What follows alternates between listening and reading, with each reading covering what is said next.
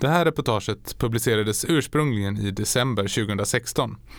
En ny DNA-lag som kom den 1 januari 2019 öppnar nu för att fallet kanske kan lösas, att en gärningsman kan hittas och att de medverkande i reportaget ska kunna gå vidare.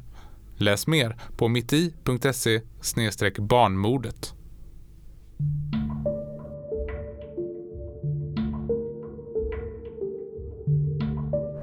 Vi hittade en död bebis. Precis här. Exakt här. Man fick inte ens ett namn. Va? Eh, och man fick inte en bakgrund, man fick ingenting. Det är hemskt. Fruktansvärt hemskt är det. Det, är som man skulle ha känt barnet hela deras liv, så att säga, eller hennes liv.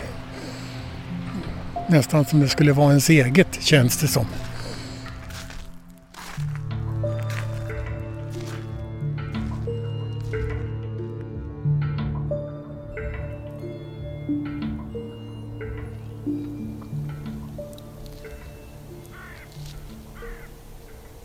Det var vid klockan 21.15 den 21 december 2002 som polisen fick larmsamtalet. En liten flicka, bara några timmar gammal, hade hittats död och invirad i ett tygstycke vid en gångtunnel i radhusområdet Brunna i Upplandsbro. Området spärrades av och polisen knackade dörr hos hundratals personer. Ja, det var precis här. Precis här. Exakt här.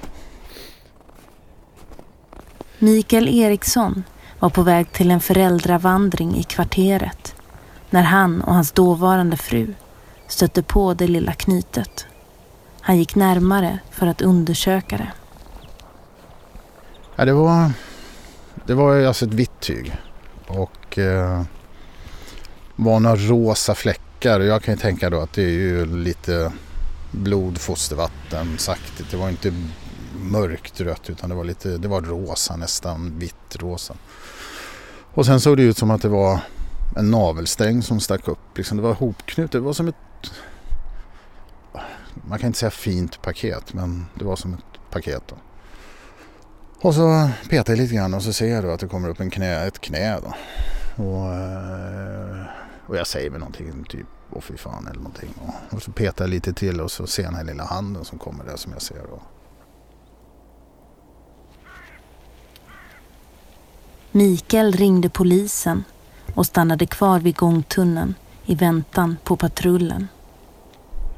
Jag, glömmer aldrig vad jag sa, men jag sa så här att ni kommer aldrig tro det här. Men jag och min fru, vi står här ja, på den här gångvägen, då, artistvägen och vi hittar en död bebis.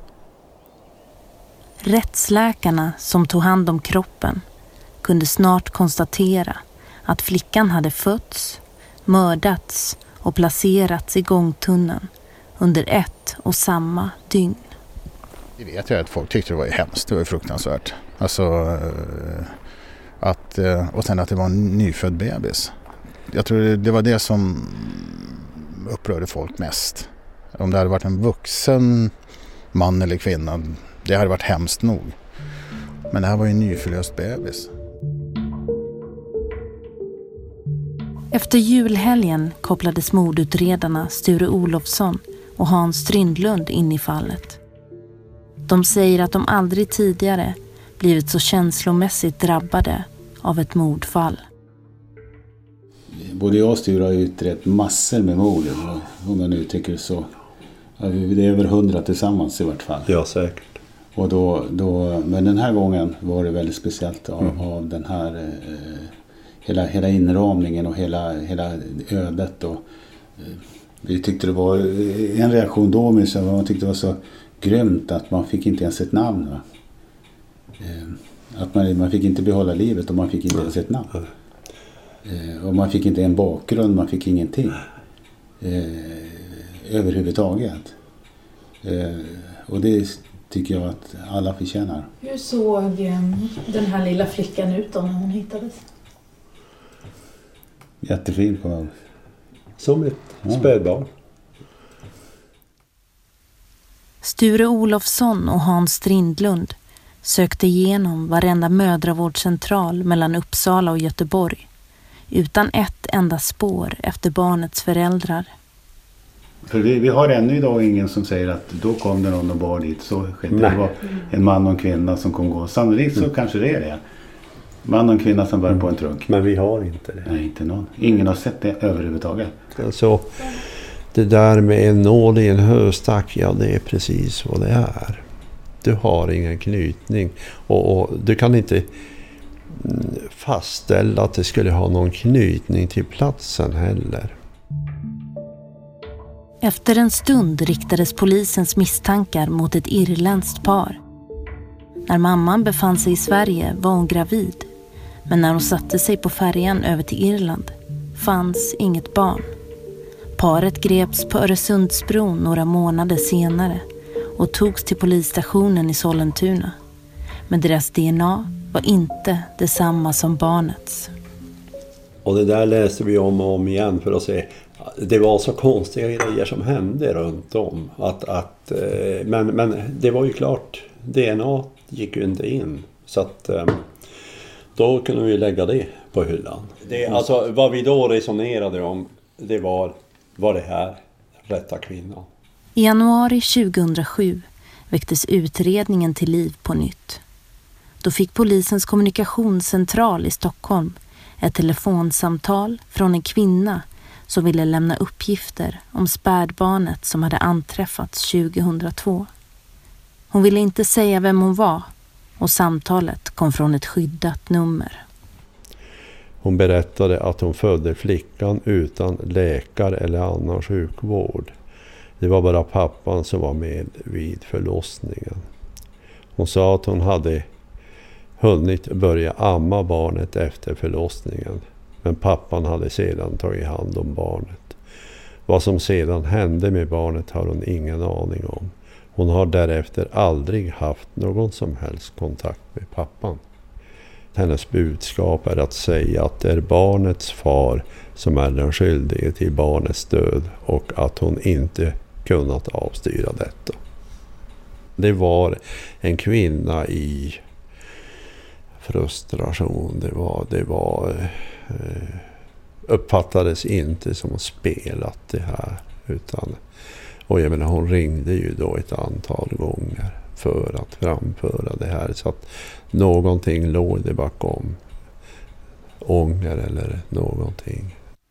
Samtalet kunde kopplas till en telefon i Mölndal. Kvinnan som ringde in bröt kraftigt på finska vilket skulle göra det lättare för polisen att identifiera henne. Sture Olofsson satte sig i bilen med en kollega och körde söderut. Men de fick aldrig tag på kvinnan som hade ringt in till polisen den där januaridagen 2007. Någon har ju ringt på telefonen. Men Det vet vi ju. Det vet vi. Men det var ingen i dess närhet i, i, i, ehm, som, som den personen kände. Och det var inte en kvinna utan det var en man som hade den här telefonen. Än idag är mordet ett mysterium. Flickans föräldrar har aldrig givit sig till känna och poliserna Sture Olofsson och Hans Strindlund letar fortfarande efter svaret på gåtan. Trots att det gått 14 år har de inte gett upp hoppet. Det kan ju finnas människor som har gått förbi. Som inte har förstått vad det här är. Eh, och, och, och, och om det finns sådana, då, har de ju också, då ökar ju också möjligheten att man har mött någon som har lagt dit det här, eh, om vi kallar det knytet eller, eller, eller nyfödda barnet. Då. Och de är ju, är ju, söker vi hett efter det, förstås. Det har vi gjort eh, under alla dessa år. Det vi tänkte där var ju att här är det placerat på så Ja. sätt så den som har lagt det här vill att det ska upptäckas så fort Ja. som möjligt. Ja. Och det är för mig så signalerade känslor. För om du har fött ett barn som du inte vill överhuvudtaget kännas vid då kan du ka- kanske kasta det just på Hagbutiken i en svart eh, Mm. plastsäck så kommer ingen att hitta det överhuvudtaget. Det går alltså att göra sig av med den där lilla kroppen betydligt effektivare än att man lägger i en gångtunnel. Nej, men det... Och det tyder ju på att det är någon som vill att Ja, det här ska ja. tas om hand och Ja. så. Och det Kanske på på en begravning, eh, någonting sådant. Och, och eh, som det blev så blev det ju en fin begravning. Det blev det ju. Flickan begravdes i november 2003. Nästan ett år efter mordnatten. Stig Alsenborg, rutinerad begravningsentreprenör, var den som bar kistan till graven. Och här stod vi efter hela muren där och muren där och här framme stod hur mycket reportrar som helst den dagen. Än idag återvänder han till gravplatsen i hopp om att hitta svar på den 14 år gamla gåtan. Hoppas att Sture och Hans eh, löser det här. Det är vad jag vill att de gör. Och kan jag medverka till att de gör det så ska jag göra det också. Och det är väl en av orsakerna till att jag går hit lite då och då.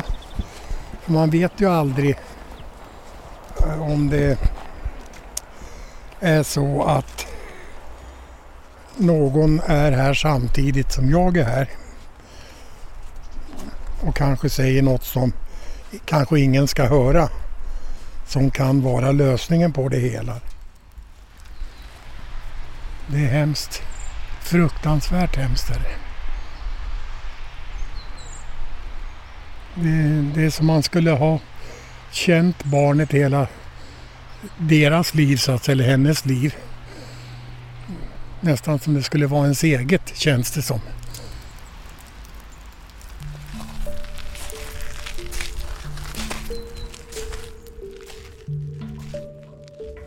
Alltså för, förödmjuka någon på det sättet. Eh, att att du, du inte får ett namn, du får inte en gravsten, du får överhuvudtaget ingen bakgrund, ingen koppling till någonting. Den rätten har ingen eh, rätt att ta sig. Jag tycker det är barbariskt. Det bästa det vore ju att få byta ut den där gravstenen, okänt flickebarn, mot ett, en gravsten med namn.